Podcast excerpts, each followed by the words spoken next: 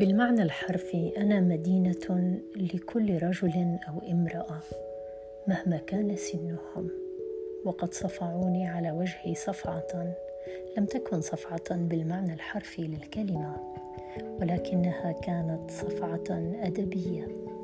صفعة ساعدتني أن أرى العالم بواقعية والابتعاد عن الرومانسية والوردية التي نعيشها ونحن أطفال. أو عندما نكون مراهقين. أشكرهم من كل قلبي لأنهم أيقظوني. من أكاذيب كنت أعيش بها أو أحاول أن أقنع نفسي بأنها موجودة.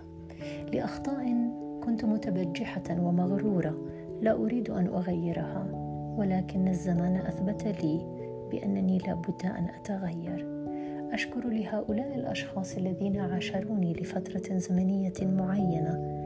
وغادروا حياتي وتركوني لوحدي لأنني لم أكن على مستوى التوقعات أو لأنني قد ضايقتهم أو أذيت مشاعرهم. كنت صغيرة لم أكن حكيمة لم أنضج بذات النضج الذي الذي نضجته الآن. عندما نكون صغارا نكون مغرورين جدا.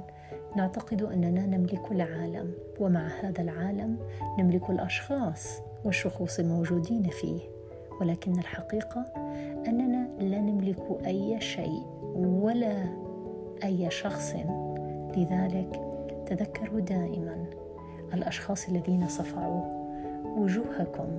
جعلوكم تتذكروا من أنتم وجعلوكم تعودوا إلى صوابكم الذي ساعدكم لتصبحوا اشخاصا أفضل.